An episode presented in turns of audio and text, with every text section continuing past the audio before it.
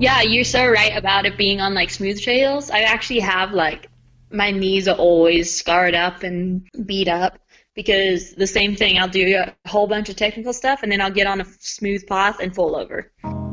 Paul was in front of me. He had his gun out. Cody was behind me. He had his gun out. And we're going down a trail and we saw the fresh kill from a bear. And I'm thinking, oh my goodness. And these visions are going through my head. What if Cody trips and shoots me? Or what if the bear comes out? But we never did see the bear. But it's it's moments like that up in the mountains. It's just beautiful. You can't, you know, find that kind of stuff on your regular running, you know, where I came from.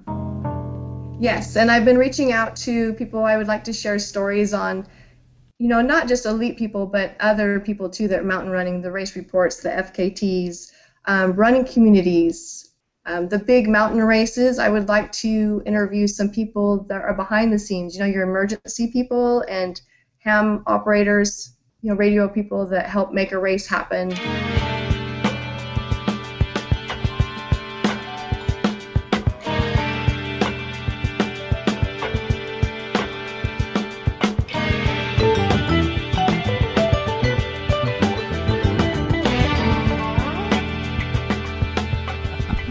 it's like the episode that everything went wrong. let's let's start over. Okay. So, All right, guys. Welcome to this uh, episode of the podcast. I'm here with uh, Katrina de las Nieves in a small cafe in. Maybe you can explain. Maybe you can. You're you're better at Spanish than me. Yeah, a little bit. Hola. Uh, we are down here in uh, South America, in Argentina, actually, That's right. exploring Patagonia. Mm-hmm. Yeah. And we're in a cafe uh, with a beautiful view out to a lake called Chelenco Lake. Uh, Mhm. That's a uh, native name, uh, but usually has two names because it's a bi-national lake, uh, half in Argentina, half in Chile. okay So, yeah, Lago General Carrera for the Chileans and Lago Buenos Aires for the Argentinian ones. All right Yeah. and this uh, i mean people might recognize you th- this voice and this name you've been on two podcasts before and uh, yeah from where do people know your voice from Uh, uh, episodes in Kathmandu, uh, yes. Uh, Migma Devi Sherpa? Yeah. Yeah, I was there. yes you were in the the episode and you were in the intro and outro of the ian Corless episode Yeah, that was a cool, cool episode. Yeah. All right, and now we're in Chile. Last time we were in uh, in, in Kathmandu. so cool, so cool. And this episode is actually it's getting this is getting weirder because this episode is not about this this whole traveling Kathmandu, Nepal, Chile, Ar- uh, Argentina thing. This is an episode that I did from Gran Canaria. right? yes. and I called uh, Lynn. Uh, we'll get into Lynn later. Uh, and the the other interview is a call I did from uh, Chile to Colorado. So it's like it's so so international, right? Yeah, it is. Uh, have you realized that sometimes when we speak about places in the United States, we, we just go with the city as if you should know where Colorado is. Yeah. It's like you don't say like, "Oh yeah, I was ta- I was calling the U.S." or, but you will come with, uh, "Yes, I am in Argentina," Mhm. um, but you don't say like where in Argentina. Someone will know. But then I don't know. Yeah, that's a good point. Yeah, Yeah. yeah, yeah. Well, Colorado then. Yeah. okay. So uh, this uh, this episode, let's just start start by saying a lot of things went wrong. Oh yeah. Yeah, and okay, the the it's it's a weird kind of uh, podcasting setup because uh, calling someone on the other side of the world, uh, that's uh, it brings up uh, some variables, right? So the the the actual broadband. Uh, I was using 4G. I was calling from a cave in Gran Canaria, and here in Chile, I was calling from the porch outside of a cabin, and I was sharing a Wi-Fi with uh, a very bad Wi-Fi with the guy, and um, I, I also struggle with some cables, and uh, this is just this intro is turning into a big disclaimer. But uh, you'll you'll hear it's gonna be uh, messy, but I think it's gonna be a really good episode. But it's it's a bit messy, and I, I did a lot of post production in this one. You saw me yesterday, right? Yeah, on the, on the bus. Yes. It's messy. It's like a, a a soup. My whole Adobe Audition program was just a big mess. So, um, but uh, it's gonna be a good one. Okay, so uh, but okay, the the two people that I actually called, uh, the first one is um, Emily Hawgood, which is uh, uh, she's a really good sky runner and ultra runner. Um, she has done some amazing things. Let me get my phone out because I have some uh, some notes here. Uh, Emily is born in 1994. She's from Zimbabwe. She runs for for uh, Scott running team and uh, Gauge 20 running, and she's an undergraduate from. She has an undergraduate degree in exercise physiology, and she currently studies high altitude exercise physiology in Colorado, which uh, we get into in the episode. And uh, her race results is pretty impressive. Last year she came second in Ultra Trail Cape Town, 100 kilometers, and she came fifth in Tromsø Sky Race. And first place American River 50 miler, third place Chuckanut 50. She's done so many good things. First place Ultra Trail Cape Town, 100 kilometers in 2018, and the list just goes on. And she's only 25. Yeah, it's an impressive Insane. CV. Yeah, it's incredible. Yeah.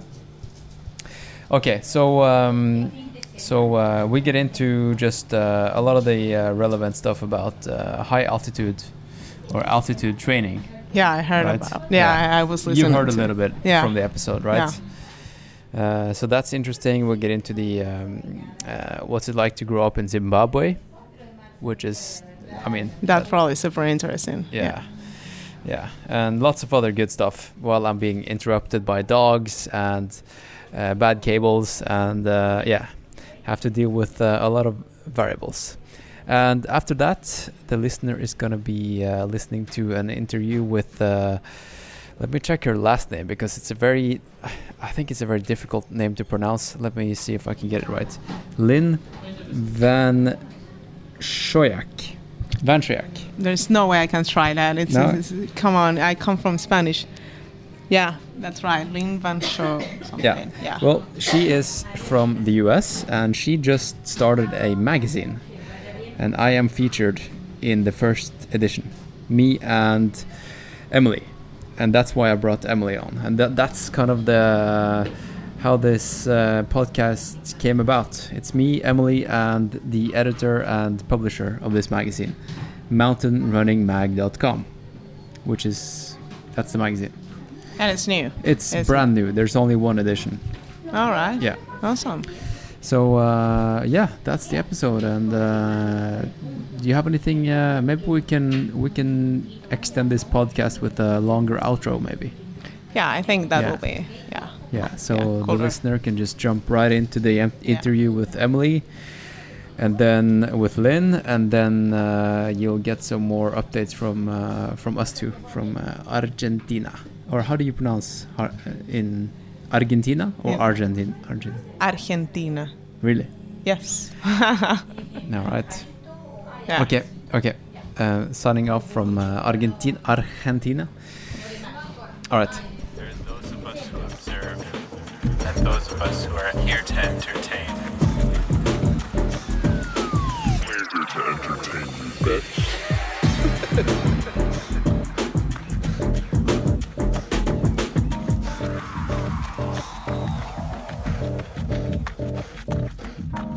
Now let's just pretend we're having a Sure. friendly phone call, which we are. I guess. let's pretend. Yeah. hey, uh, are are you? Uh, what kind of uh, setup are you using for for this call? Your your phone or uh, are you on speaker or what's the deal? Uh, yeah, I'm on the speaker. Can you hear me okay? Yeah, I hear you. Okay, it's a little bit uh, laggy at times, but I think we'll be fine. Okay. Yeah. All right, uh, Emily. Welcome, uh, welcome to the podcast. I I was speaking. for having me. Yeah, my pleasure. Let's uh, maybe set the stage and tell the listener where we are, because um, uh, this is a kind of a weird episode. Because I was speaking to our common friend Lynn uh, last week, and last week I was in Gran Canaria, uh, in the Canary Islands, and I called her, and she was in the U.S. Now I'm in Chile, in Patagonia, and you are in where are you? Colorado, the US too. You are in Colorado. But you are not from Colorado. Where are you from? No, I am from Zimbabwe. Zimbabwe. And that brings up a lot of questions, at least for me.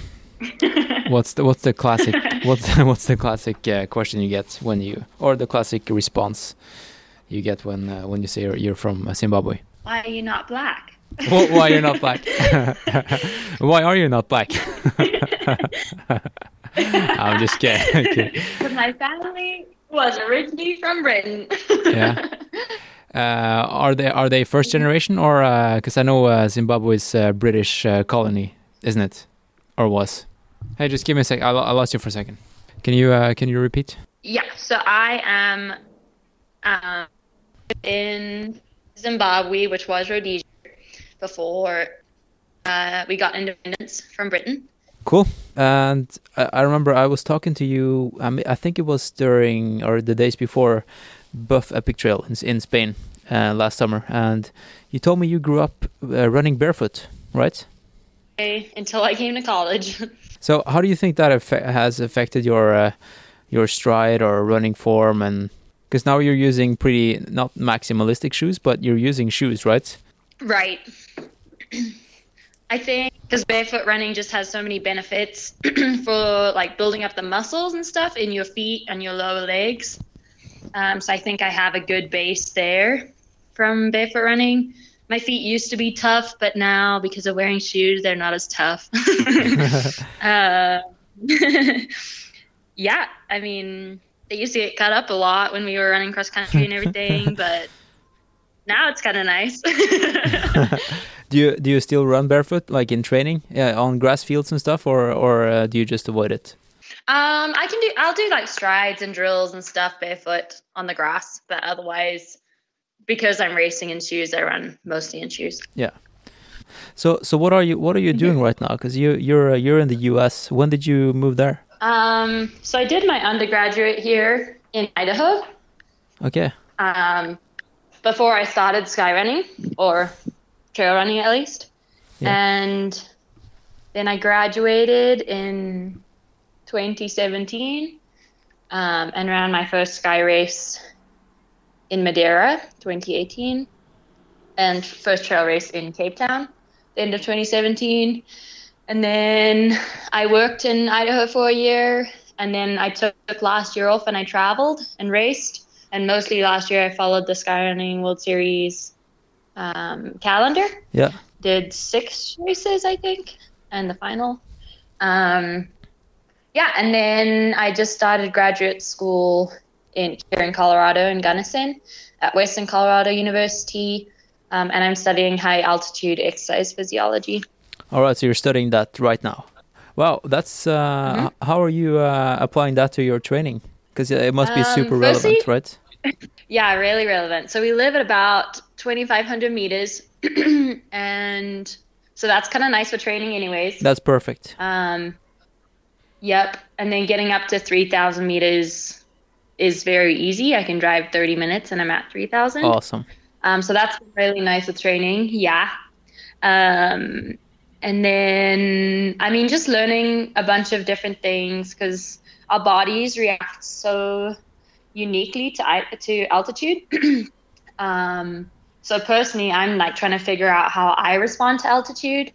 Um, and through that, like through all our research and stuff, I'm seeing that even my response would be different to how you would probably respond coming Yeah. up here. yeah Um, and so that's pretty cool to find out. And then obviously, um, like kind of just we're just getting into all the research of like how people adapt before they come up to altitude, how much time we need before we go back down to sea level before we race. Um, yeah, just like the benefits and drawbacks of being at altitude. Um, we're kind of in the sweet spot right here. So the 2,500 to 2,700 meters. Um, once you get adjusted, you're um, you're not using you, you're not losing as much. Um, you can still run fast workouts and everything, even though you're getting the benefits of being at high altitude. Right. Um, debt is still outweighed by uh, the outcomes, which is pretty cool. Um, but right outside of us, like at 3,000 meters, there starts being a negative effect on training. Um, you have to take a lot more recovery time um, and things like that. So that's been really interesting, just kind of starting to dive into it all. Yeah. So how how much time do you have to spend, or how many years uh, is this uh, this course? It's two years, so I've just started my second semester. All right. So, uh, what have you learned so far? Because one of the things that they talk about is should you train low and sleep high, or sleep high and train low, or just do everything in altitude? Yes, that's a really good question.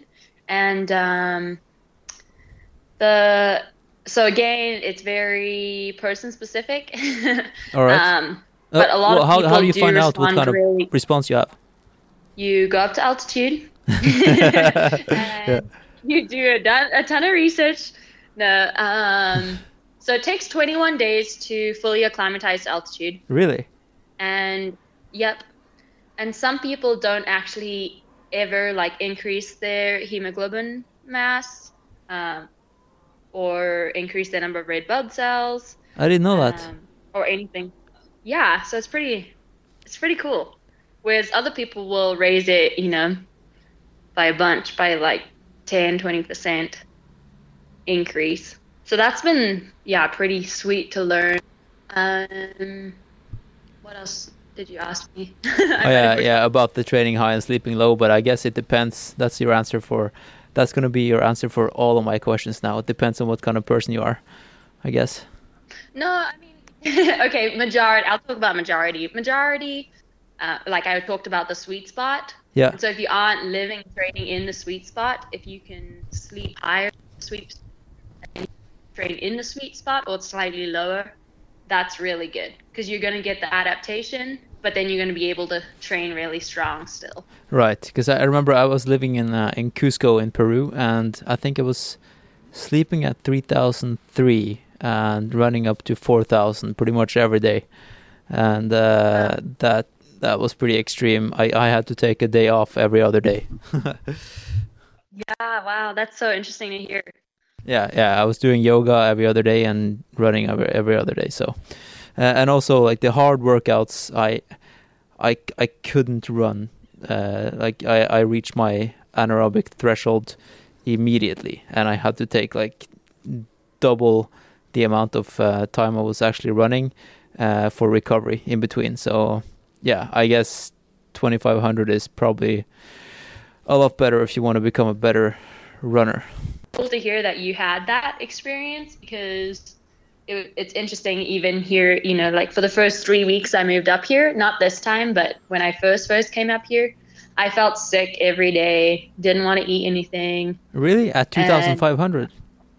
yeah Huh. I- but i mean i've been traveling with the skyrunning world series and we're all most of the time we're at sea level so it's still a big change That's right. You haven't done like uh, Yading or any of the uh, the altitude races? Um, I mean, I've climbed a lot, but like I've definitely been way been way higher than up here. Um, but I think just being traveling a lot and living at sea level for most of that year was a big difference. Yeah. yeah. What's the highest uh, race you've done? Is it uh, Matterhorn Extreme? That or Pirin Ultra, like Bulgaria. Yeah. Mm, yeah, maybe it was Matterhorn. Yeah, because I think I think that was like 3003. Yeah. Okay. Yeah, I can't remember. I think it must be. Yeah, it must be that one. Hey, so how extreme was that race?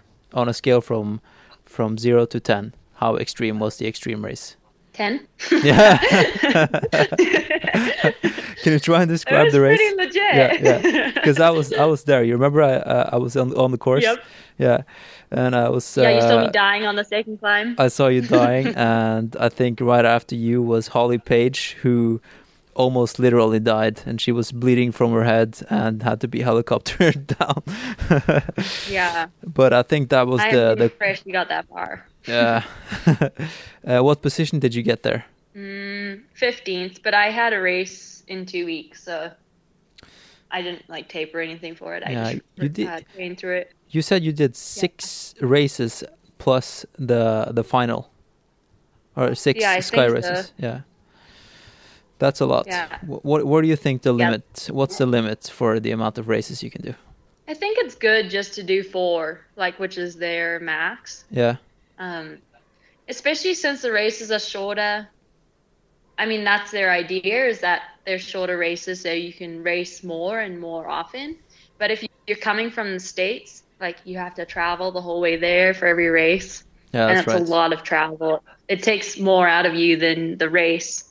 Um, but if you're in Europe, I mean, you could race six races and that'd be totally fine. Like living there was totally, I mean, it made it possible for sure.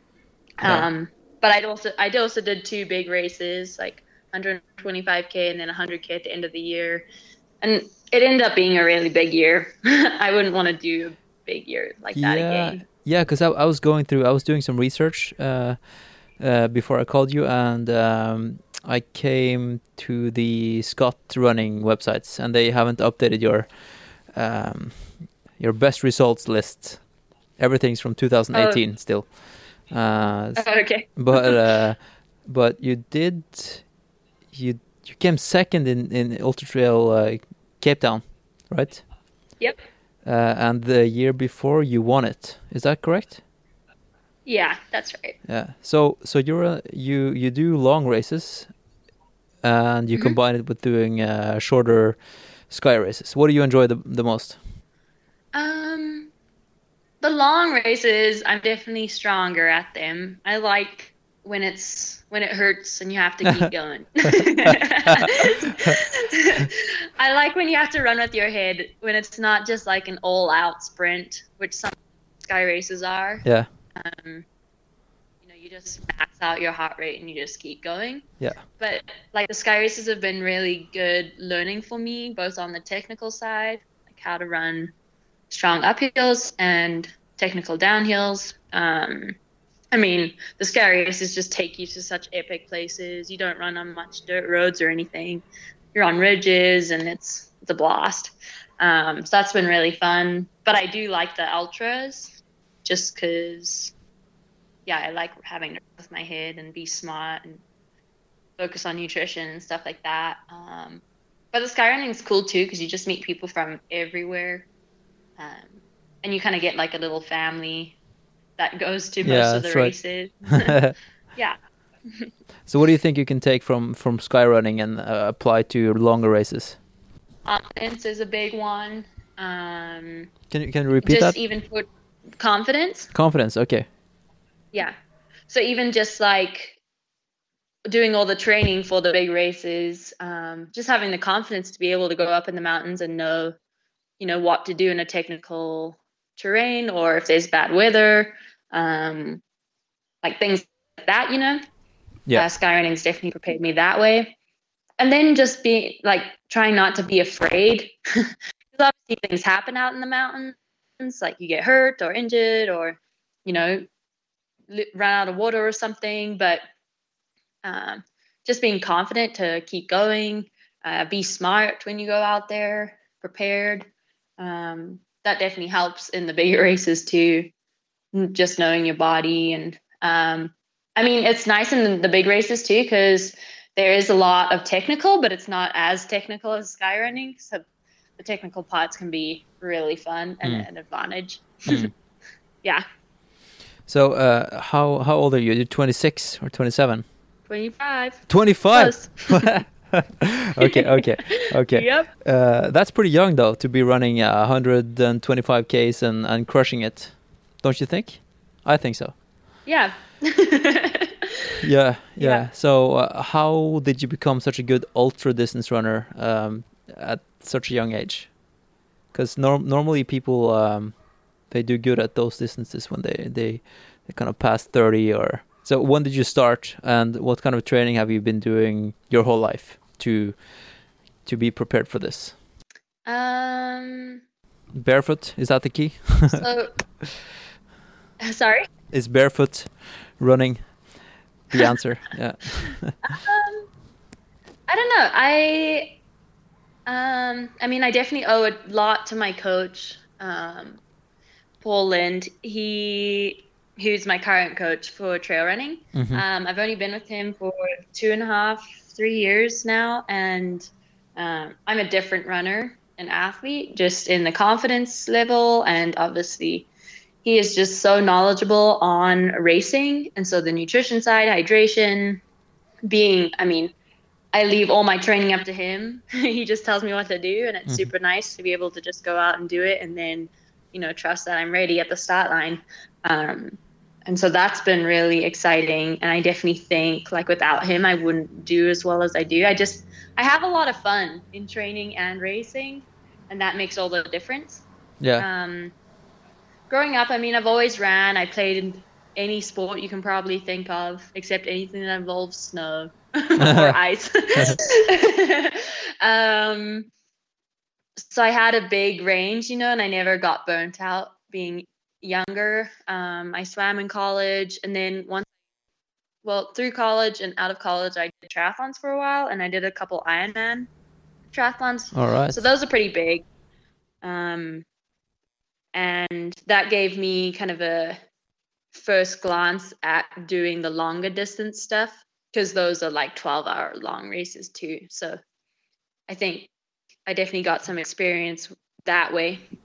Yeah. So how, how did you get exposed to the to uh, to uh, to those kind of events? Because uh, what's Zim- Zimbabwe like? I mean, it's a lot different to like a first world country. Yeah. But um, I think we're really lucky. Like my parents were really good at exposing me to things, you know. So we traveled a lot and um, saw a lot of the world. And I actually traveled down to South Africa with some friends to watch another mutual friend race an Ironman. And I just remember being um, out there all day cheering him on. And I remember getting that feeling like I'm going to do this one day. Yeah. Determined. I had the same thing when I saw my friend uh, finish uh, Tromsø Sky Race Hamperokken the first time. That's so cool. I was Oh gonna my do that gosh, one yeah. day. I, so you know the feeling where you're just watching in awe. Oh yeah. Um, so when I came to college, my swim coach actually, the first time I met her, she walked in and uh, and her keyring was an Ironman keyring. yeah, and then yeah, so I was like, oh my gosh, have you done an Ironman, whatever? And she's like, yeah, and I'm doing a half this year. Like you could do it with me if you wanted. And so I just started training with her, and I did a half. Then I was like, okay, I really want to do a full one, so I did another one, and then um, yeah, then I wanted to do another one, so I did another one, and then I met my coach, and Hey, I don't know what's going on. I think I lost Wi-Fi for a second, and then it didn't switch over to 3G or 4G. But are you there? okay, yeah, Okay. So yeah, we were talking about uh, Ironman and uh, the keyring. yeah. Then I wanted to do a full, so I did a full in Australia. Um, that was super cool. And then I wanted to do another full, like after I graduated, so I trained and I did that one, but. I kind of had a rough time on the bike training for it. I almost got hit by a truck. Oh shit. it was pretty scary and once i got done i didn't want to ride my bike um, as much anymore or train and so i was kind of looking for something else maybe and then yeah then i met my coach he told me that um, he ran the mountains and he trained people that ran the mountains and i i was like can i do that and the rest is history yeah, yeah. I, so you, so you got in kind of an accident, and you you wanted to do something that was safer, so you started skyrunning.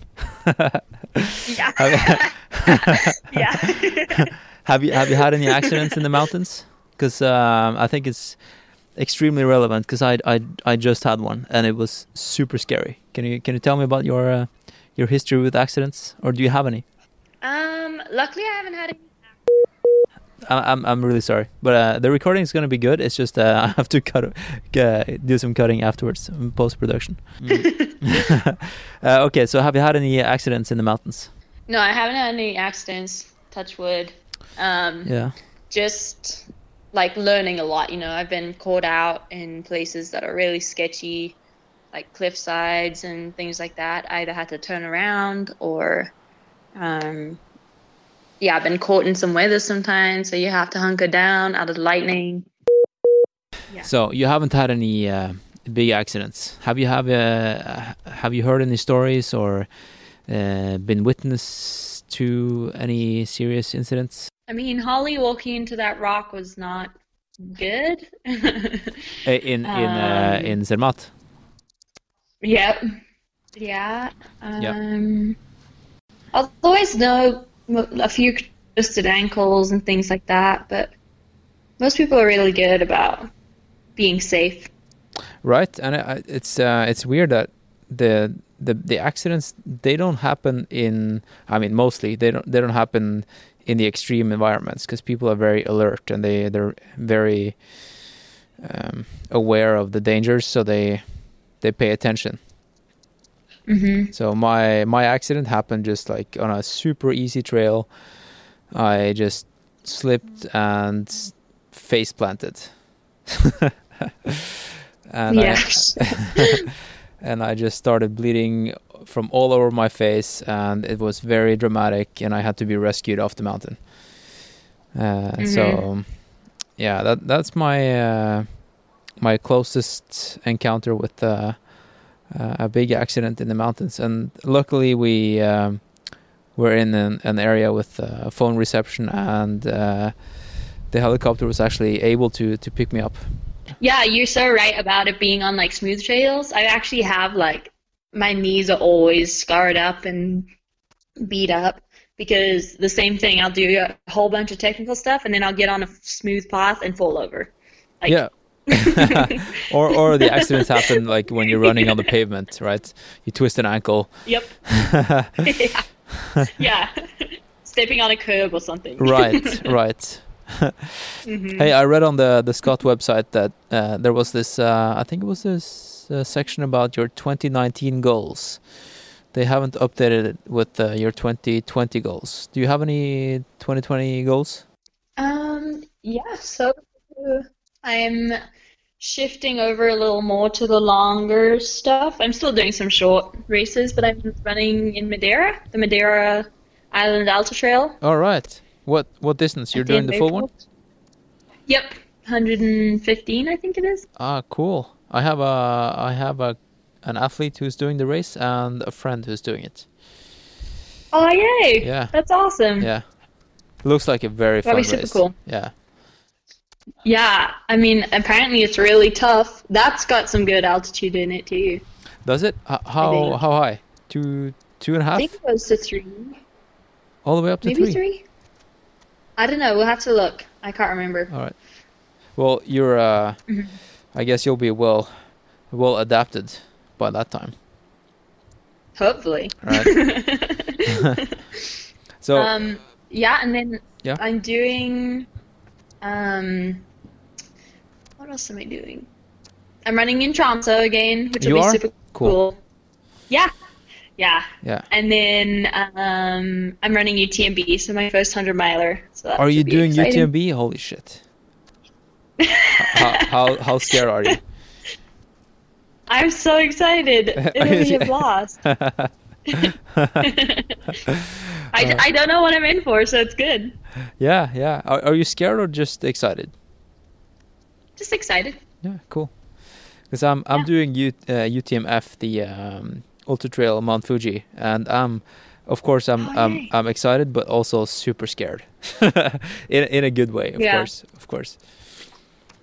Good, Yeah. good. I've just heard that it gets cold, so just be prepared for the cold and the heat. And Yeah, yeah. Last year it was actually cancelled during the event because uh, Mhm. because of the cold or the the snow. yeah, Yeah, we'll see. because I'm I'm going Yeah. there. I'm going there to to document the um, the sky race the weekend before.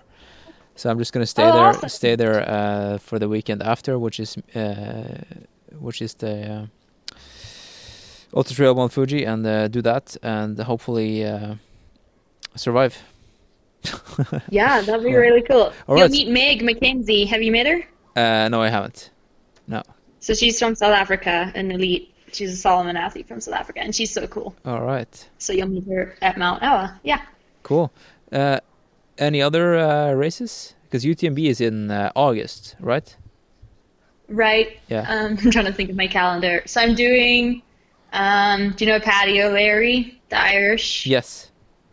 uh, North Face runner? Yeah. So he is helping out with a race out in Ireland called the Reek Skyline Race, and I'm gonna go out and do that. Okay. Um, I might do Madeira Sky Race Which is in May. in or, May. Yep. Or June, something like that. May. Yeah. Yeah. Um, what else am I doing? Um, I might go back and do Cape Town again or the Sky Run in Zimbabwe at the end of the year. Is there a sky run in Zimbabwe? Yeah. Hey, uh, if you could give any tips to people that are gonna, they're gonna do. Let's say you have a race coming up and it's in altitude, and you have no way of training in altitude and getting in shape in altitude before the race. Let's say you're traveling to the race on a Wednesday, and the race is on Saturday. What can you do? Uh, how far do you have to travel? okay, let's say you, you can travel. Uh, uh, it's a ten-hour flight. Okay, yeah, that's a big race. Yeah, yeah, Um, a big travel. Yeah. Yeah. I mean, the earlier you can get there, the better, for sure. Just because you need to recover from the travel. Yeah. If you were really close, I would say try and get there the day before and then race. But on a 10 hour flight, that's a long way to travel. Yeah. Um, so as early as you can get there. And then, so there's actually, um, it's been proven that heat training yeah. can give your that. body the same s- same response as training in altitude, or some of the same responses. Mhm. Um, we're doing a lot of research in that right now. So if you can heat train, that's always a good idea. Okay, so so Um, you say heat train, but yeah. uh, can you say any? I mean, uh, what what kind of heat training? Just do sauna, or should you uh, run on a treadmill in the sauna, or and how many days, how many hours? So we're not really sure on the dosage yet, but they found a lot of research using the hot tub or sauna suits Okay, and using 45 minutes at 40 degrees Celsius, um, at least for the hot tub, um, which is pretty intense. Uh, all most of it's been done post exercise, so you'd do a workout and then immediately get in the hot tub. okay, so your your core Up to temperature you. is already high, right? Right. Yeah. Exactly. Yep, and then with the sauna suit, the same thing. So it actually you actually heat up in the sauna suit. Um, if you could do your workouts in the sauna suit, that would be super cool. um, obviously, the best thing is like being able to be in the heat outside. Or be in altitude. like the sauna. yeah, You there? yeah, uh, yeah. I think I lost you for a second. Yeah. Yeah, yeah, but you're back. You're back. Okay. So um, being outside in a hot, humid condition is always, I mean, it's a lot more fun because you get to be outside. But the newer research now is saying that you can get a lot of benefits from using the hot tub, using sauna suits, um, and doing heat training. Okay, that's cool because most people have a hot tub at, at home. They don't have to go to a place with the sauna. So that's good news. Yeah. I And guess. you'd be surprised how hard it is actually to stay in the hot tub that long for 40 minutes after you've exercised. You get really hot. Okay. Chal- challenge accepted. Are you there? Sometimes this cable just like I haven't touched it, but it just it just Mhm. stops working. There you are. There you're back. Okay. Okay. I'll, I'll I'll tell you where I'm at right now. I'm actually on the porch uh, of a small cabin Airbnb uh, and I'm on the porch because I'm sharing the router of the the Wi-Fi with the the owner, which lives uh, right down the street or like 50 meters down the road. And uh, Oh, wow. out, outside of the the cabin is the the Wi-Fi is okay. so that's why if, Nice. if you hear That's some really cool. some uh, dogs barking or some wind in the microphone, that's why. Okay, Yeah, it- sounds it- good. It's a beautiful.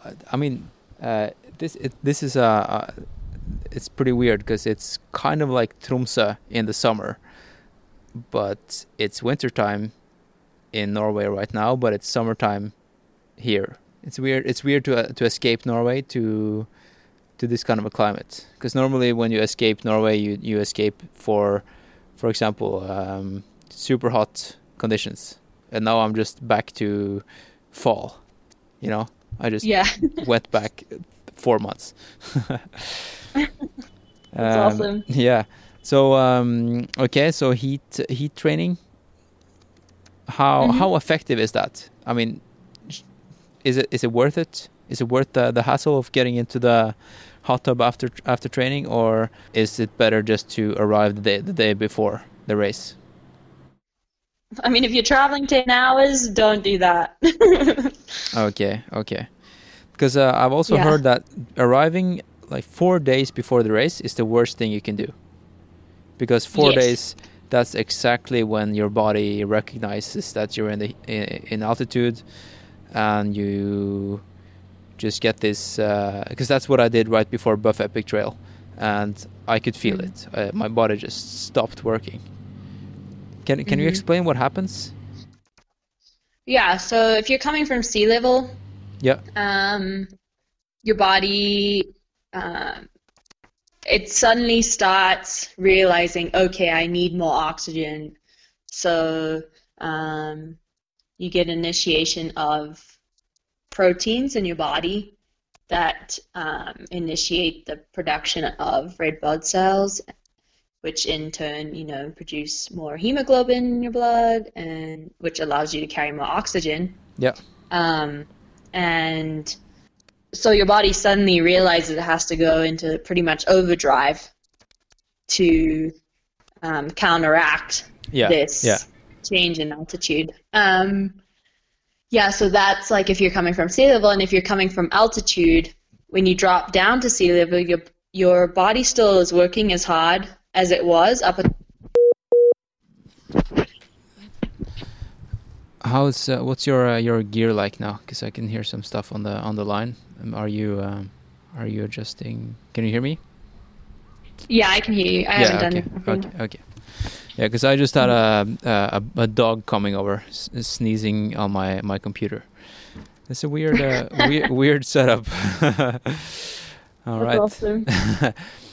okay, so uh, so that's your that's your training or uh, your race plan for 2020. That's a pretty big one. Um, what are you most excited about? Is it UTMB or I mean, all of them, they're going to be super cool. I mean, it's nice to be going back to Norway because that's, I know that race and it's such a beautiful country. Yeah. Yeah, my mom's coming to Madeira with me, so that'll be really cool. Nice. Yeah, uh, this is going to be really exciting because uh, when I was doing the research uh, for you, you've done some extremely good good results the last two three years, and uh, you're so young. So I think uh, you're you're the one to watch in pretty much all the races you race, especially the the longer ones, because uh, you don't even know how you react on a hundred miler, right? Because you haven't done hundred miles yet. So uh, I think because of the uh, the situation with uh, with Wi-Fi and dogs and uh, the uh, the equipment here, I'm gonna have to uh, st- stop this recording right now. And um, uh, but do I still have you here, uh, Emily? Yep, yep, I'm yeah, still here. yeah. Let's uh, let's maybe finish off with some uh, some uh, some tips to the listeners. Let's uh, let's say you're talking to a a 17 year old aspiring skyrunner. Do you have any uh, things that you wish you didn't spend time on when you were training, or any hot tips? All right. Hi. Hey, I'm sorry. Okay, so let's do one more try, and so before we close here, Emily, do you have any tips for the listener to for becoming a an extremely good sky runner? Yeah. Um, did you get my last tip? no, I think I lost you before that. So if we can repeat Oh, that, yeah, yeah. yeah, Um, yeah, just have fun. Um, really enjoy being out in the mountains and getting being able to be out there. Um, yeah, just love traveling and seeing new places and meeting new people and try not to get caught up in the results of a race or in the nerves before a race. Like, you're doing this for fun, so have fun. right. Hey, you know what? That's that's the best tip I've heard in a while. You're doing this for fun, so just have fun. Yeah. I think I should write that down as my motto. yeah, yeah, that's mine too. I'm stealing that. It's it's on my Instagram already. Okay. nice. Uh, okay. awesome. Okay, uh, let's uh, let's just uh, end the end the uh, the chat right there. And uh, thanks for uh, thanks for being on the podcast, Emily. And uh, we'll just keep in touch. Okay. Yeah, sweet. Thanks for having me. Yeah, awesome. Uh, we'll um, I'll write to you on WhatsApp after the uh, after the this call. Okay. Okay, Yeah. sounds good. Yeah. Thank Thanks. Bye. Bye. There are those of us who observe, and those of us who are here to entertain. We're here to entertain you, bitch. Thanks. All right. So that was the interview with Emily. what do you think? What do you think of that interview? Have you, you didn't listen to it actually, so Of course, and this is the second time you actually do this. Like you're pretending that I listened to it. all right. What do you think about this? Uh, we're, we're drinking a cherry shake. Uh, that, that's awesome. I Yeah. mean, uh, this little town here, it's uh, known for uh, export quality cherries. Mm-hmm. And I don't know, they came up with this idea of a shake with milk and condensed milk on it a little bit. That's the sweet part, the, the condensed Okay, milk. that's how they make it sweet. Okay. Yeah, it's that how it. And then oh, it's awesome. I never tried before. This this was the first time, like this summer, Mhm. and it's becoming one of my favorites now. Very fast. All right, so now the listener is going to listen to the interview with Lynn.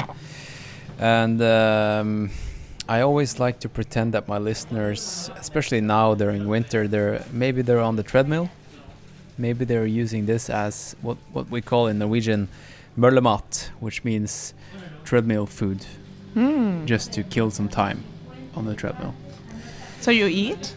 No, Well, no. no, no, it's just uh, food for the treadmill. Oh. Yeah, Okay. fuel, Oh. fuel. Okay. Now Yeah. I understand. Okay. Yeah, we eat on the treadmill, but that's mostly uh, sports drinks and stuff. All right. Yeah. Yeah. Okay, so uh, now we're gonna make a jump from uh, from uh, Argentina to uh, and Chile, all the way back to Gran Canaria, and listen to my trans.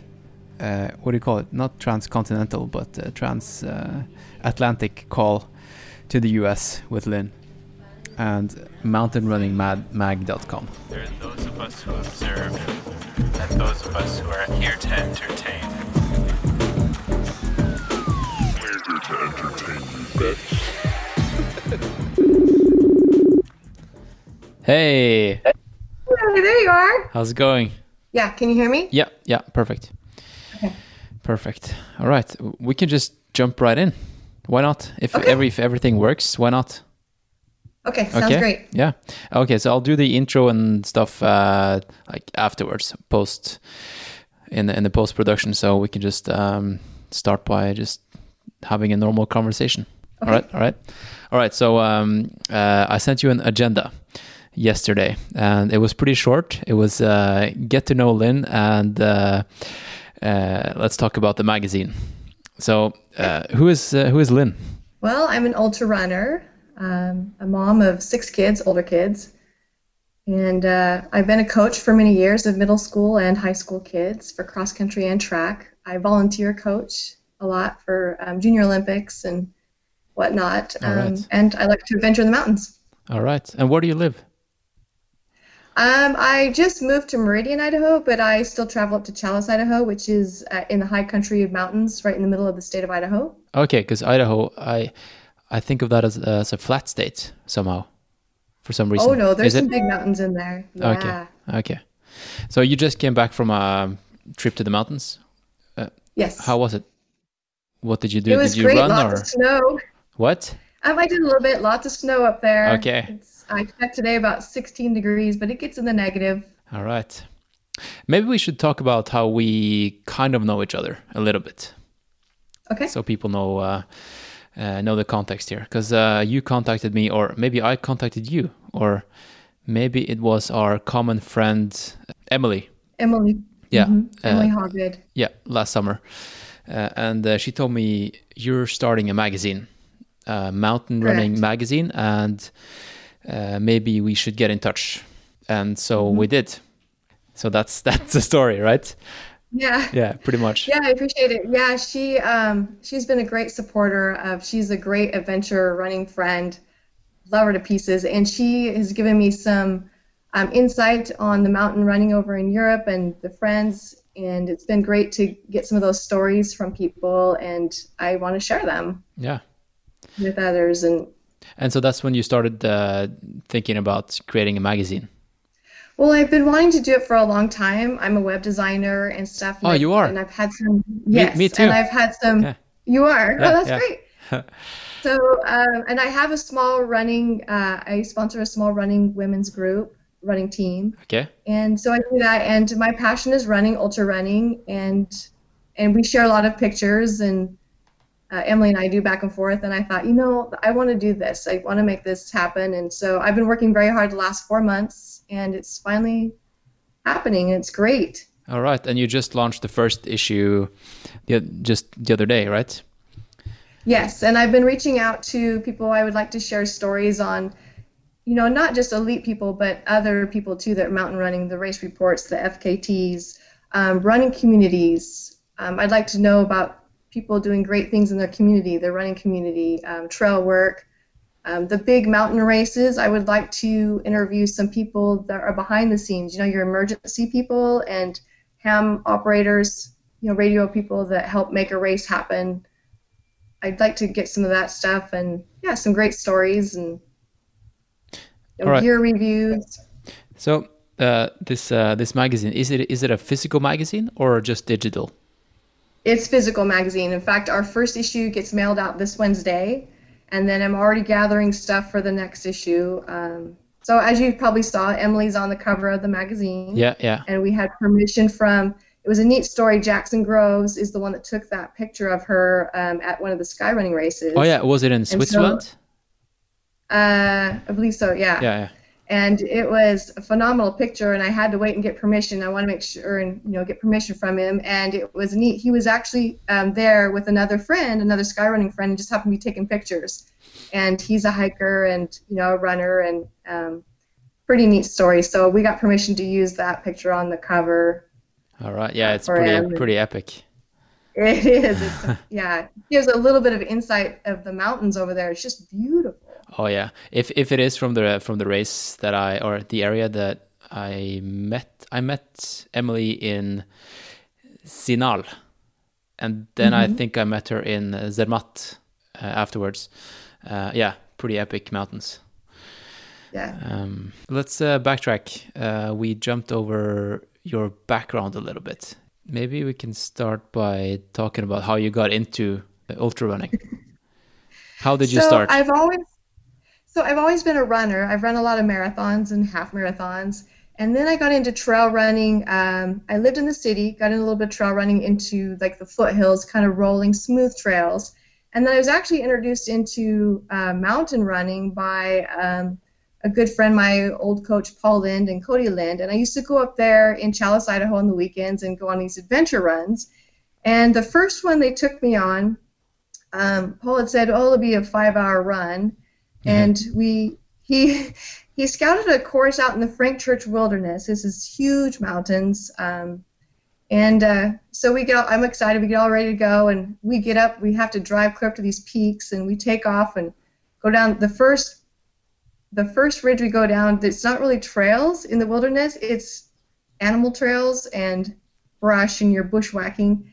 And these guys have been running technical mountains for a long time, and they take off, and I think I'm going to follow him. And we're bushwhacking down a mountain. I've got scraped up knees. I've got scratched up legs. I have twigs sticking out of my hair. Um, five hours into the run, remember it's supposed to be a five-hour run. Yeah. Uh, we're crossing a river, and my I had a bagel in a sandwich bag. It gets soaked with water, and uh, I'm getting hungry. And I'm like, I don't want to eat that bagel. About three hours after the five hours, uh, I decided I'm going to eat that bagel. Um, to make a long story short, uh, we towards the end of the race, or excuse me, into the run, um, we came across some wolf tracks, and so it was it was sketchy. And we got back to his hunting truck, and there was a can of spam, and we were all so hungry we split it three ways. But you know, during that that run, um, it was hard. It was technical, but I loved it. I saw some beautiful countries. You know, just the mountain. The mountains were just amazing. We did run across a fresh kill from a bear, and so the guys, uh, Paul was in front of me. He had his gun out. Cody was behind me. He had his gun out, and we're going down a trail, and we saw the fresh kill from a bear. And I'm thinking, oh my goodness. And these visions are going through my head. What if Cody trips and shoots me, or what if the bear comes out? But we never did see the bear. But it's it's moments like that up in the mountains. It's just beautiful. You can't, you know, find that kind of stuff on your regular running. You know, where I came from. Yeah. Yeah, and you're talking to So. in an echo chamber, and you're preaching to the choir right now. So I think everyone can re- everyone can relate. Yeah. the uh, the the the last name Lind that rings a bell to me. Uh, Cody Lind, I've met him uh, at several sky races, and uh, his father. He's pretty involved in the ultra running scene in the U.S. Um, Yes. especially Western states, right? Yes, Yeah. his dad was the doctor, Dr. Lind. Um, incredible family, good friends. I've known them for a while now, and and yeah, they're great people. They have the G20 running team now, um, and Paul is the one that shoots off the gun for the Western States 100 now. Oh yeah, Father, you know, his father's footsteps. Yeah. Yeah. But they're over in Europe quite a bit at the Sky Running now, and and so I actually Emily Hawgood. I actually met her on her first training run when Coach when Coach Paul took her in um, on the team, and that's how the connection started with Emily. We All right. became great friends. So how long have you have you uh, been doing this? When was this The first run? running? Your yeah yeah. Uh, since 2008. All right. So yeah, you uh, you must have some uh, a lot of good connections then, since uh, you're you're doing a magazine and assuming you need a lot of content from a lot of people from around the world. How how, do you Yes. kind of how do you plan on getting content, and how often do you plan on producing new issues? Um, once a month, I am going to do a double magazine in May and June, and then December and January. I've been reaching out to many people, but I've I've had people reach out to me too, and Emily has been great. She has told friends, you know, that she knows over in Europe, and it's actually spreading quite well. I've had a few people, you know, reaching out to me, and I've actually been asking people, can you put in a coaching article? Do you have something on some training tips? You know, do you have a, a race story you'd like to share? And it's working out pretty good. Nice. Who who do you consider, or who who do you think uh, are your main competitors? There are some big ones, but do you do you look at them as Yes. competitors or just um, inspirational No, I'm not. sources? Yeah, I'm not looking to be a competitor of any magazine. No. I love the Ultra Running magazine and Trail Runner. They're, um, you know, I love their stories, but there's so many more stories out there. I don't consider myself as to, a competitor to them at all. They're huge. Um, I, you know, I'm going to reach out to some elites. I'm going to do some traveling this summer and go to some big mountain races. Wh- and which ones? Do some. Um, I kind of keep keeping that close to my okay. heart. I'm Are you going to Europe or staying in the US? I will go to Europe. Um, Emily knows a little bit about my secret, but um, I'm not going to share that too Okay, much. okay, okay. but yeah, um, so I'm going to do a little bit of that this summer, and you know, I don't. I'm not trying to be a competitor. I want to find those inspirational stories and share gear reviews, all that kind of stuff. Yeah. There's there's enough information and people out there. Right. That's what's so cool about uh, this podcast as well, because you don't have to be a, a, a very fast runner to be to have a good story. I mean, most people that run fast they're pretty boring, right? It's the it's true. there's so many people out there that you know they, they have everybody has a story every picture has a story Mm. um, there's so many people that have a lot of grit out there that you know maybe it's their first hundred you know you just never know until you talk to somebody Yeah, and a lot of times the reason people get into ultra running, a lot of times it's because of something, some event in their lives, and they've had to make a big turn or something, and then they turn to this extreme. They found this extreme race in the Sahara Desert or something. Yeah. Do you plan on making a profit, or is it just like a, a hobby, or or um, what's the plan for this? Do you plan on growing, no or is it not just just to? a hobby yes i plan on growing Yeah. um, I, I do have a marketing kit you know uh, to give to people that they're interested the first few months um, people are more um, they can put in free ads you know if there's races out there gear um, you know i'm just starting Yeah. so yeah. i'm going to be doing that so that way i have some you know i can spread the news in my magazine once it gets out to people uh, these, of these races wherever or gear or you know so yeah so the first few months then my ads are free. And then as i pick up then yeah i, I need to charge a little bit for ads to Yeah. you know to help pay for the magazine. Have you gotten a lot of interest before uh, before the first issue or? Yes i've actually the subscriptions are starting to come in now so i'm pretty excited Really? about that. That's really cool. Mhm. uh, do you do you uh, do you have any like digital subscriptions or just uh, paper?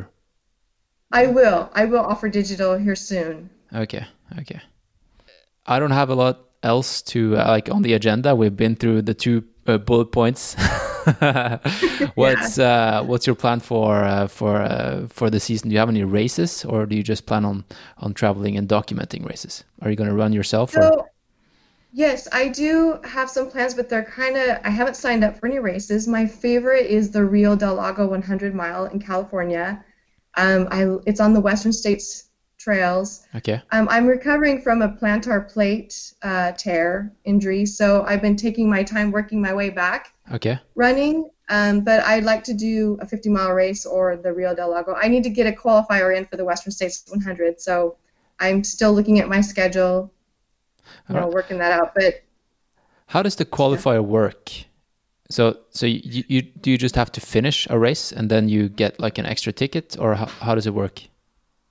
So it's a lottery system with the Western States 100, and you there's a list of qualifying races on their website, and you have to run one of those. And some of them are uh, time contingent, some are you just finish, and then you put that in when you sign up for Western States. There's a certain time frame that you put in for your qualifying race, and then there's a lottery. Uh, usually the first weekend of December, I believe. And uh, if you get picked, then you get to go around the race. Um, you have to have had done trail time, you know, trail work and stuff. Um, if I do get chose for that, I plan on doing the Grand Slam. I don't know if you've ever heard of the Grand Slam. Oh yeah, actually, last episode of the podcast, I talked to a girl that uh, was planning on doing it, but she got like this huge stress fracture, or she she actually broke her femur like straight off um, after she did the two first races, and then during a training run, yeah, that happened. Oh man, so that's my ultimate goal. Is if I get drawn to Western States, is to do that. Yeah. But I, I, it's not to do. You know, I don't plan on doing them fast. I don't plan on doing them under 24 hours. I just want to do it. That's my dream. My my uh, my ultimate thing I want to do. What are the chances of getting into Western States if you don't get a golden ticket? What is it realistic? Well, I, I know I don't know the actual statistics. I'd have to look online, but um, it, your your chances keep adding up every year. So um, it just, I mean, I've seen people get drawn that have only had one qualifying year. You know, I think I've got up to three. So we'll see what happens. You mentioned tra- you mentioned trail work. We don't have that in Norway or in Europe. I think it's not a. It's it's an yeah. It's a concept that doesn't exist. Uh, Really? yeah, and and uh, uh, it's fun talking to Americans about trail running and the the different kind of culture and what we think of each each other. Can you explain trail work and why you do it and why it's mandatory? Yes, so some of our races, I believe, like the Wasatch 100 mile race, you know, they require eight hours of trail work.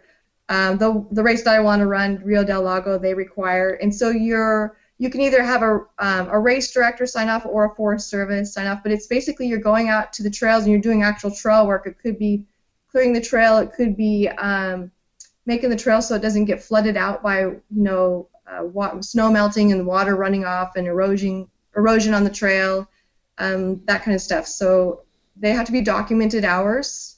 So How do you for like document the it? Wasatch 100, if I wanted to apply for that race, I would have to go to the forest, the Forest Service, that where you actually do the trail work. Okay. So you don't. it's not like you show them your Strava. you're doing the trail work, okay. the Forest Service has to sign off. okay. Well, that's pretty cool though. But uh, No. what what's the reason? I mean, yeah, you have um, to have an actual document. because uh, I'm just uh, curious uh, why you have that system in the U.S. and not, for example, in Norway. That's a good question. Is it is it because it's, um, the trails are maybe more fragile in the U.S. that it's uh, in national parks and in Norway, for example, I you can go so. Where- wherever it- you want. Yeah, I think so. I think it's um, you know, we're we're out on the trails. I know like the motorized people that go out on trails, you know, they do help uh, with the trails too. I think it's just to better take care of them and All right, all right. What do you think of uh, when I say trail running in in Europe? What's your first thought? The only trail running that I've really seen is uh, through media, and it's usually the mountains. And um, I've, I do have a friend on my Facebook that's in Switzerland, and I've seen some pretty epic trails. It's always mountains. I never see these rolling, smoothed out trails. It looks technical Yeah, yeah, over there. Is that is am I correct? Yeah. That's pretty correct. That spot on. uh, yeah, I, I actually I went to uh, I went to um, San Francisco and I, I, I ran with uh, San Francisco Running Company. Their group run on a Saturday, like their classic Saturday group run, and we ran in uh, Marin, the uh, pretty much on the course of uh, the North Face 50 miler, and those Oh, yeah. th- those trails are like the the classic American trails you watch on YouTube. Uh, it's it's so different from from uh, the classic uh, European trails. So if you go to Europe this year, uh, you'll you'll have a, a pretty cool experience, I think.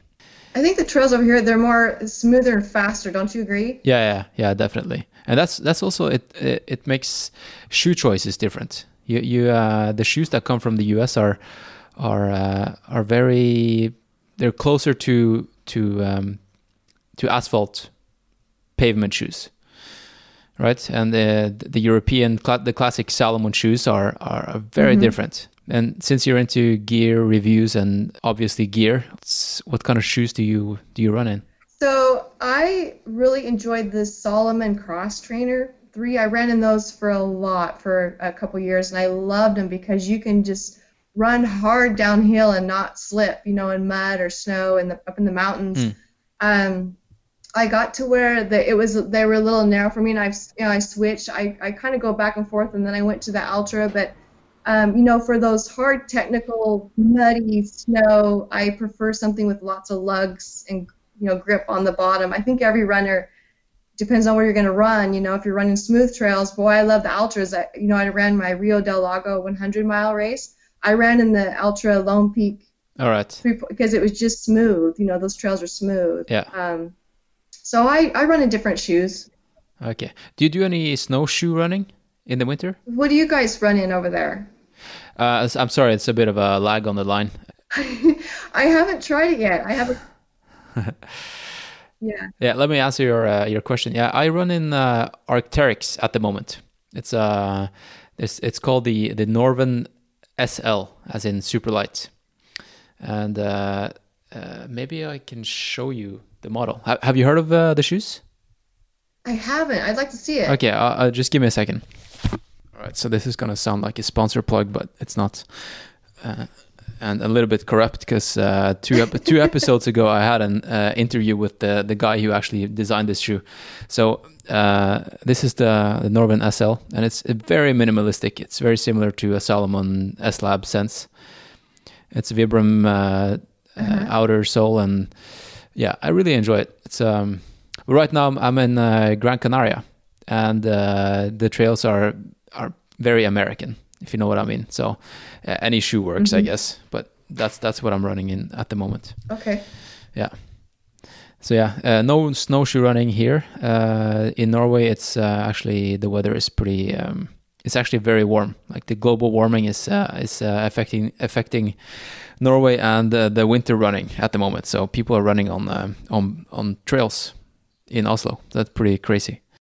When when is the next issue? You said of the magazine. The next issue will be um, going out March 1st. Okay. And where can people sign up and get this? Uh, do you do you ship internationally or how how can people sign up? Yep, I do. It's on my website, the mountain uh, mountainrunningmag.com. All right, that's easy to remember. Mount, mountainrunningmag.com. All right, so um, uh, what did you think of uh, when I when I sent you the because I sent you an exclusive album, uh, a photo album on uh, iCloud, and no one has seen that. What did you think of the whole journey I did? Fabulous. Um, I'm hoping that you will let me put that in my magazine in the future. Yeah. That's Well- incredible. Um, I really enjoyed it. I, I think you need to share that with everybody. That's just amazing. It's it's fun to see everything, and and uh, I'm sure that was an incredible experience for you. yeah, and I'm continuing, right? I'm I'm traveling around, and uh, we'll see we'll see what 2020 brings. I'm gonna do, I'm gonna go to Japan, and I'm gonna document the Mount Aba Sky Race uh, for for the organizers. So I'm gonna stay at the the race organizers' uh, house for a couple of weeks before the race, and we're gonna plan the whole thing. And then uh, I heard some rumors that um, you know Jamil Coury. Yes. Yeah, he's uh, probably also going to come, and we're going to do it together. Uh, and we're going to cover the race, uh, maybe not live, live or maybe not. And um, the the weekend after, I'm going to travel to Tokyo, and I'm going to do the ultra trail Mount Fuji. So Wow. it's going to be my first 100 miler. Oh, that's great. yeah, that'll be crazy. So that's Well, you'll have to let me talk about it in the magazine. yeah, yeah, yeah, of course. I, I, people just, uh, I just hope they don't get sick and tired of uh, my face in your magazine. okay, but I'm, uh, I'm happy to give you a shout out, and uh, uh, I hope uh, lots of people uh, sign up because it's, uh, yeah, it's pretty cool. The uh, we don't have any really big, we don't have any mountain running magazines in Norway. We only have this Oh, really? classic running magazine. Magazine. We have Runners. Wo- Runners World and uh, uh, one called uh, Kondis, which means uh, condition, I guess. So uh, yeah, there's definitely a market, and uh, I'll. Um, this goes out to all the trail runners in Norway. So check out uh, mountainrunningmag.com. Right? Yes. Yeah, yeah. All right. Well, thanks for uh, for doing this uh, interview, uh, Lynn. Yes. Thank you for having me. Yeah, it's been a pleasure. Um, I'm gonna I'm gonna stop the recording now, and we can uh, do some uh, some small talk afterwards. Okay? Okay. Sounds okay. great. Yeah. Those of us who observe, and those of us who are here to entertain. We're here to entertain you, bitch. All right, we're back from the cafe. Uh, we've had some more of this uh, lovely cherry shake.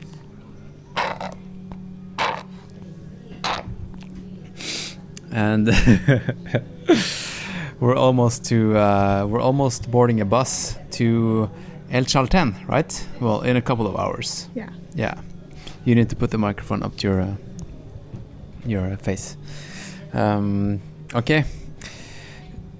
Maybe we should give the listener a status update from uh, from Argentina. What have we been up to, and what are we gonna do?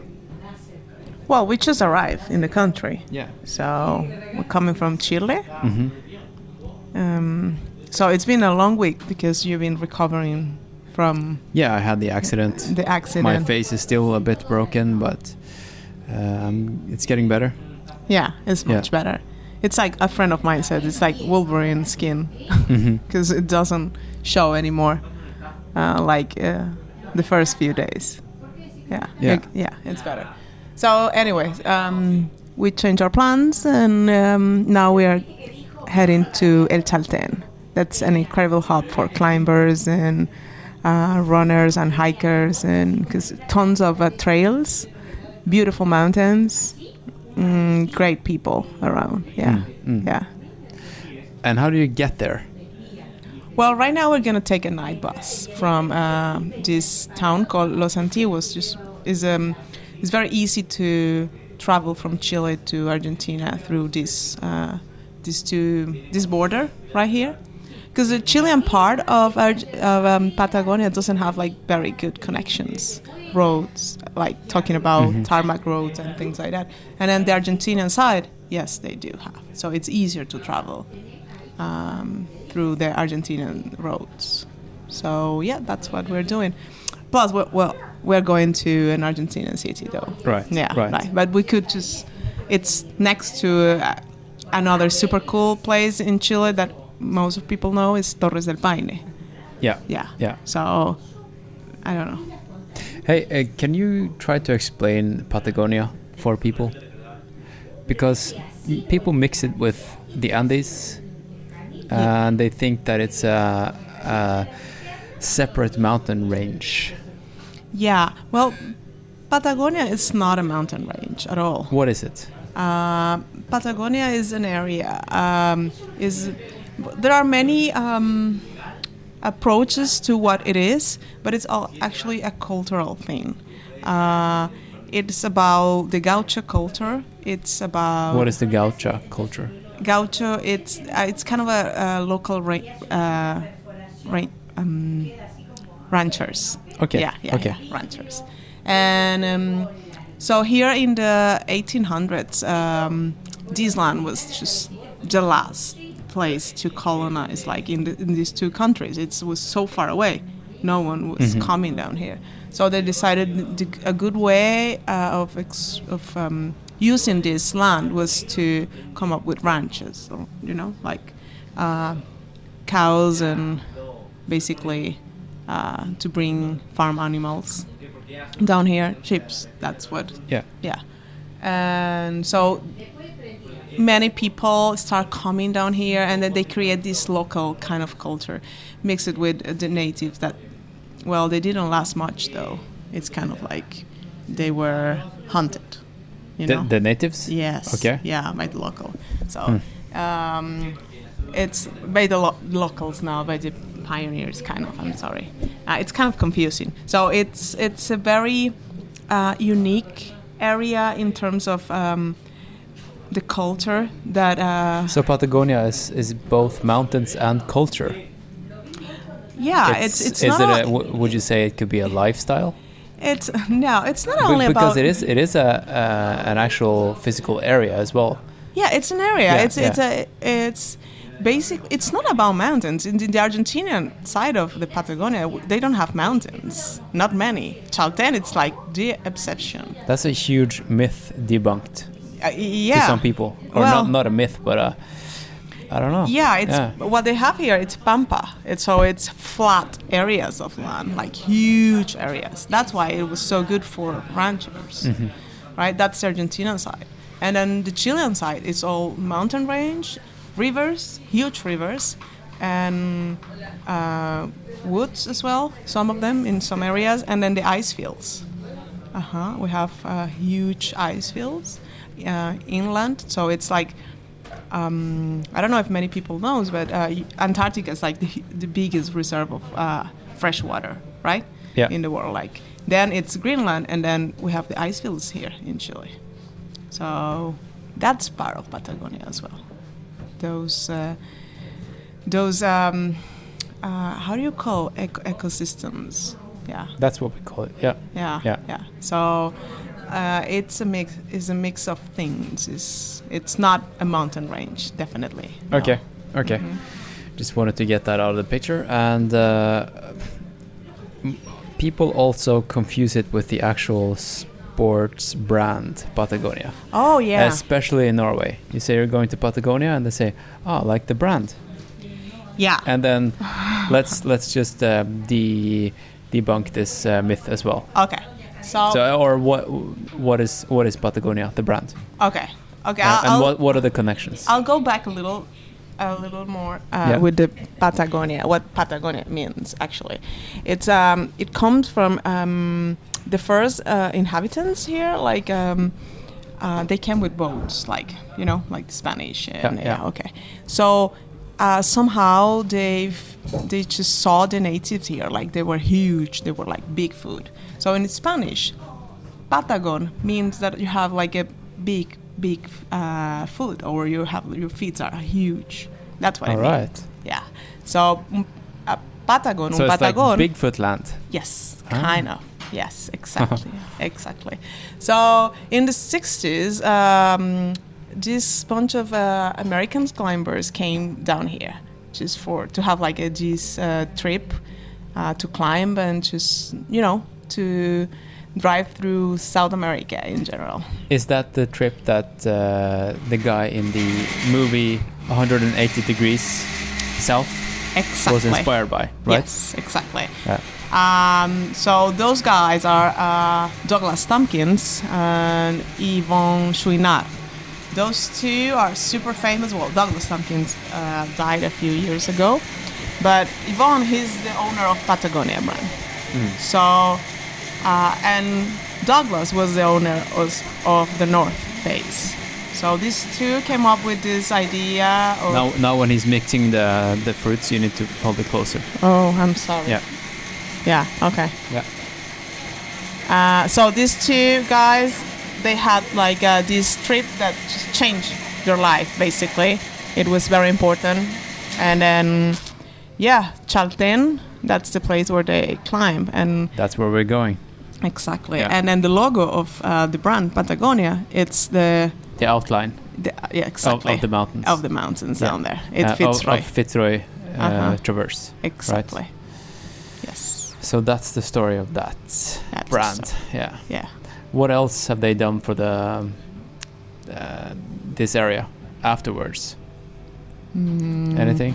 I, I, I don't know. Any uh, sure. conservation? Well, yes, tons. Yeah. Yeah, they are, they are involved in tons of conservation um, uh, activities, and well, Douglas Tompkins, um, which is not connected to the Patagonia brand, uh, he he started like a project here of uh, conservation, which is huge. is a binational project, and we have basically now 17 uh, national parks thanks to him, like in the Chilean part of, um, um, of well, not only Patagonia, but it's, it's, it's bigger than the Patagonia area.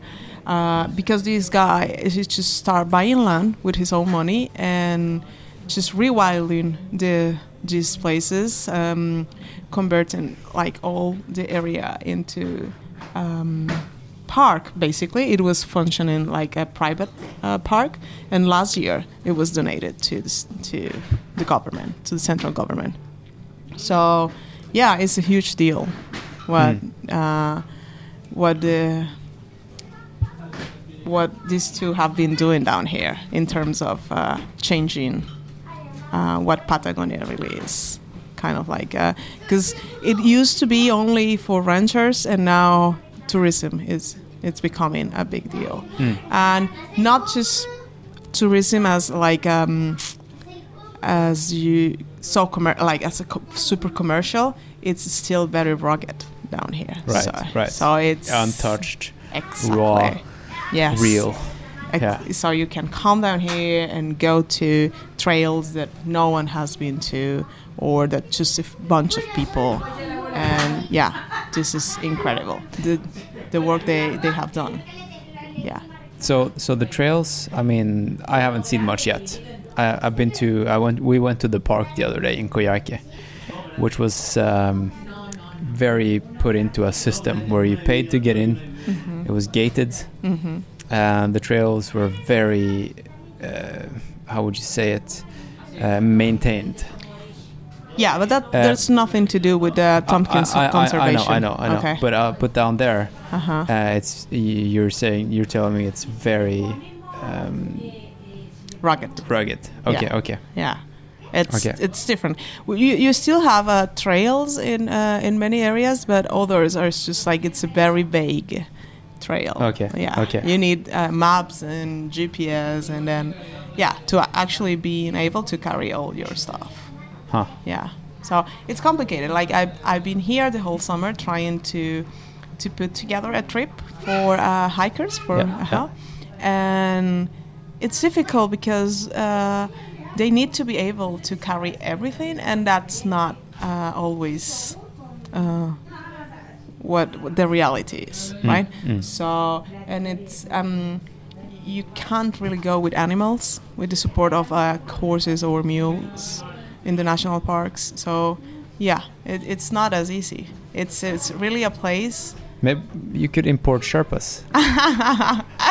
Yeah, I wish uh, they could come down here. It's not easy for them to get visas, you know. Yeah, they need that's visas right. for every every country they want to travel, so it's not easy. Yeah. Yeah. That's the reason why there are no trail runners outside of Nepal doing it big internationally because they can't get visas to compete. It's a Oh, shame, right? Yeah. Oh, I didn't only- know about no. that. Oh, yeah. Well, but I, yeah, I'm not surprised. Maybe we can get into why they don't get visas. Why they don't? It's, it's just because uh, every everybody, like in Nepal, um, between their 20s and their 40s, wants to go abroad to make a living. Mm. It's just the, um, it's just it's too difficult to try to make a good living, decent one in Nepal. It's, it's just there are not no means, no not many opportunities for them. Mm. Yeah. Yeah. Okay, that was uh that was uh off topic. Off topic. Back to Patagonia. Yes. Right. Uh, Yeah. Okay, so if you want to go to Patagonia, where do people go? What's the classic locations? Well, uh, people usually think of Patagonia and think of uh, Chaltén, Ushuaia, uh, Calafate. Those are three major um, hubs in Argentina. But um, recently, more people is starting to hear about the Chilean side, and that's Torres del Paine, uh-huh, and that's uh, Punta Arenas. Uh, but the this the, the main region, like for me, like uh, that I like uh, the better, that I think it's the most beautiful, and it's super rugged and pristine. It's Aysén, Aysén region uh, in Chile. That's a huge area. It's a whole region of the country. It's like um, we don't have states in general, but that's what you could be like a state. Regions. Yes. Yeah. Yeah. Uh, so it's a call. It's called Aysén region, and it has many different places.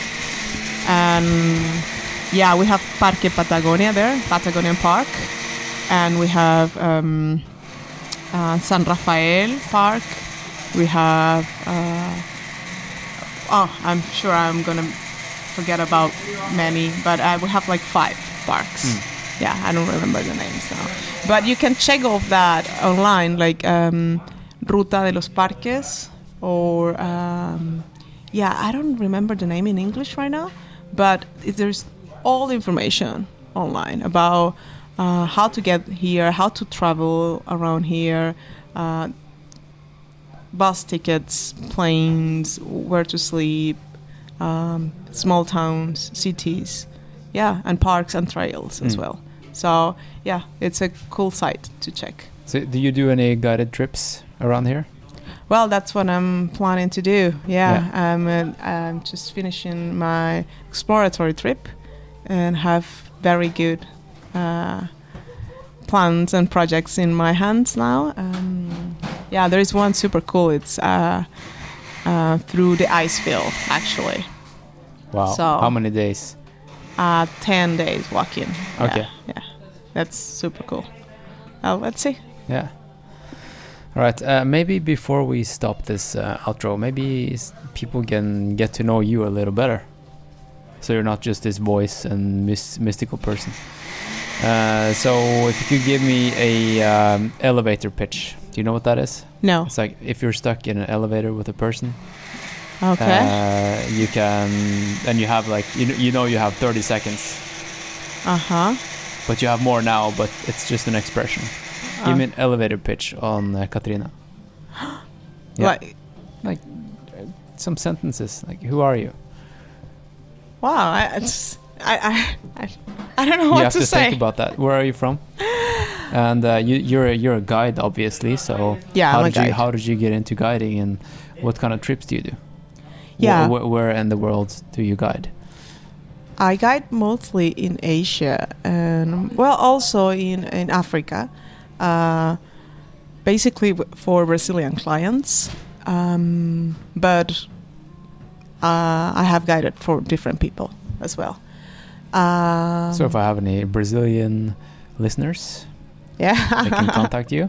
yeah, but I have guided Australians and French people Yeah. as well. Like, yeah, it's not something specifically. It's just I, I can speak um, Portuguese Yeah. very well. Yeah. That's why. Um, yeah, that's what I do. I just guided treks that are not super rugged, uh, but I also guide some that are more rugged. Like that's what I plan to do down here. Okay. Yes. Uh, so different um, styles for people of hikers, you know, different style, um, hiker styles.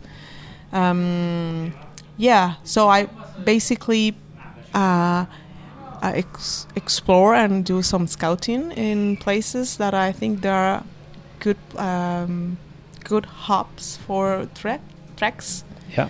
and and yeah and then i put together the track in itself and find a local partner to work with and then yeah just get everything i put together a list of equipment for my clients and all the itinerary any details that they might need to know like from vaccines to um, i don't know flights hmm so that's basically what I do. And then, um, yeah, I give them a list of things to read about it. And then once they arrive, then we have like a huge um, um, cultural immersion.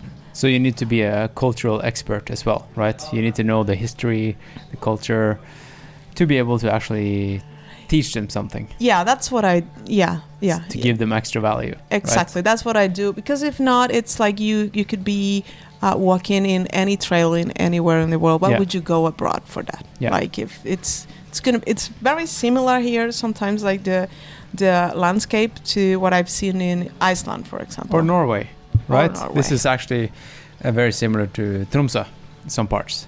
So to me, it's very, it's weird to travel all over the world to experience something that I have at home. yeah, it's the You know, gaucho culture. so- what's different? right, Right. yeah. Here. Yeah. But if you would just objectively look uh, at the mountains, Yeah. it's kind of like Tromsø, you know. Exactly. Yeah. So, yeah, that's why it's so important to have the the cultural immersion, Mhm. and that's why also guiding in a new place uh, for me takes time because I have to acquire all that knowledge if I don't have it, Hmm. right? And um, actually put time and effort into that. Yeah. So it's not, it's not just about having the knowledge of um, techniques and trails and you know mountains and, And safety, yeah right? safety. Because you have uh, some courses in that, yes, right? yes. What, what kind of uh, education do you have for safety in, in, on the trails? I have a wilderness first responder. Right. That's what I what Yeah. I have. and Um, we'll we'll do another episode on on safety on the trails Oh, and yeah. in the mountains. yeah, that's that's a good thing. Uh, we should talk about that. Yeah. That's a good uh, topic to explore. yeah, Very important. yeah. and yeah, that's that's kind of me. Uh, people might um, wonder where I'm from, but um, basically, I don't have one place. You just say South America, right? Yeah, because uh, the thing is that I was born to a Spanish mother and a Venezuelan father, and then I grew up in Chile. So I I just I don't have Chilean family, but I never actually lived in Spain or uh, so. j- And in Venezuela was just for a few years, so it's complicated. Yeah, and being a nomad for last five years. So What do you ad- identify as if someone asks you? Latin. Latin? Yes, uh, but not the not the uh, the stereotype people will think. It's just Latin culture is very strong. It's like you have big families, and that's very important. Um, yes, it's it's it's it's not about the the music and what you could think of, oh, Latin person, the stereotype, right? How oh, you yeah, had the makeup. And it's not that. Uh, it's uh, about the food. It's about, um, I don't know. I feel like uh, there are a few things in in my heart uh, that I identified with, and those things are always like that. My grandmother, and Hey, Yeah. uh, speaking of food, you you've shown me a new dish or uh, a bread that I haven't had before. It's called arepa, yeah, right? Yeah. What what is it? that's a Venezuelan typical food, and it's made of uh, corn flour. Corn, yeah, cornmeal, yeah. Yeah. Uh-huh. So it's pre-cooked cornmeal. Yes. yeah. Exactly. And you can find it anywhere nowadays Yeah, you, because can, you can find it in Norway, but I never I never bought it in Norway. Yeah, I know. uh, on the package it says pan. Yeah, right? pan, pan. It's yeah, that's a brand. But the thing is, uh, it was uh, something that was very particular of Venezuela and Colombia up until a few years ago when uh, people with um, what's called this condition, medical condition where you cannot eat gluten. Yeah, celiac. Yeah, Yeah. celiacs. Uh, like were more common and frequent. Like people would have that disease Mhm. uh, frequently. So pan was like, yes, this is this is like the target we need to hit. Yeah, and now it's a superfood. Yes. because of that, because it's gluten free. Yeah. So how do you make it? You have the the corn flour and you mix it with Water, basically salt, and then you have grandmother's uh, uh, tricks for that. Like you, some some of them will use a little bit of oil just to make the uh, the dough softer. Yeah, yeah. Uh, my grandmother used milk. Um, I don't know. So, but it's just basically water, the flour. yeah, and then you knead it into a kind of a thick paste, I guess. Yes. Yeah. Yeah. Uh, on the softer side, you have to make sure that is on the softer side because if you follow the instructions like right on spot, Mm-hmm. it will be too hard. I think it will. It won't, so. Uh, the result it's not going to be the ones that I remember from my childhood. okay. Yeah, it, and it has to be soft. But but they they make these in Venezuela and and and you've had them in Chile. Yeah, They- now all, you have them all them. over South America, right? Now you have them all over because of the celiacs, but it, Okay. and, and also because of um, many Venezuelans are struggling nowadays, so they are like uh, Struggling as financially and financially, yeah. and then yeah, um, you know, like immig- immigrating Yeah. to different countries, so uh, spreading the culture. Yeah, so now you can find arepas down here in Patagonia. Yeah. okay. Yeah, So so basically you make kind of uh, you make a ball. Uh, how big? Uh, you make a patty. It- Yeah. It looks like a burger patty. yes, exactly. And you put it on a pan. yeah, and then in the oven. In the that's oven, the yeah, okay. that's the basic, the basics of it. Okay. Yeah, you could do it differently. Like when you're an expert, my sister, for example, she will use a toaster just to make it faster. Yeah, yeah. but you need to have like the expertise of uh, to what point you will use like. it's a science. yeah, yeah, Yeah, exactly. it's a science. Yeah, yeah. And then you open it in half and you put butter on it or oil, right? Yeah, butter usually. Yeah, oil is a variation, uh, but it's butter, and then you you can stuff it with cheese and ham and avocado or whatever. Yeah, Yeah. Perfect ultra running food, I would say. yeah, Yeah. with eggs. With eggs. Yeah, Yeah, lovely. yeah. All right, now we're getting into some uh, some weird weird stuff, but I, I we have time, right? What's uh, when we have like two hours until Our bus. Our bus leaves. Yeah, it's a night bus. it's a night bus. When when do we arrive in the morning? six, Six in the morning? thirty, something like that. Yeah, Shit. yeah. I just hope it's gonna be clear skies because it's that's beautiful. Yeah, clear skies and not rain because we're gonna we're, we're sleep in a tent, and putting up a tent in the rain is not cool. Well, but then we have the whole day to wait for the weather to Yeah, get better, right, and that's then we right. set the tent whenever.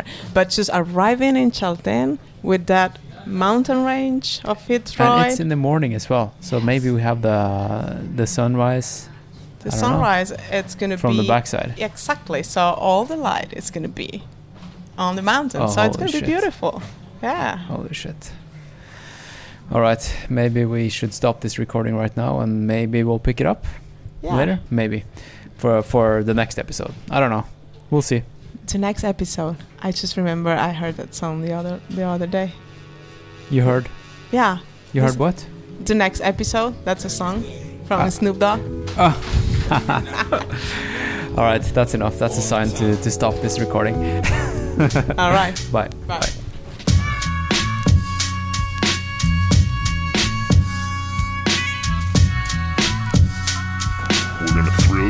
you, we're gonna teach you, we're gonna entertain you.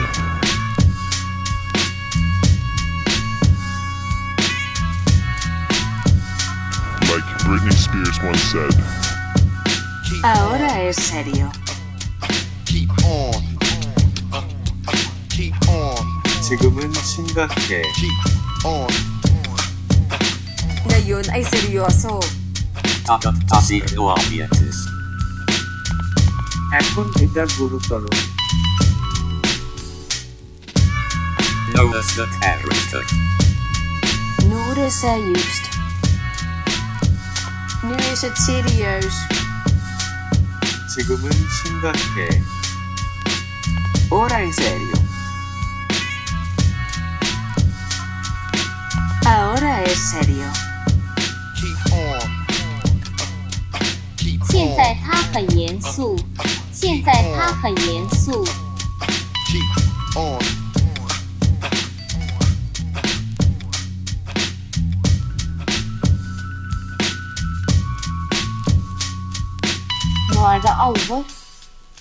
I am doing it, doing it.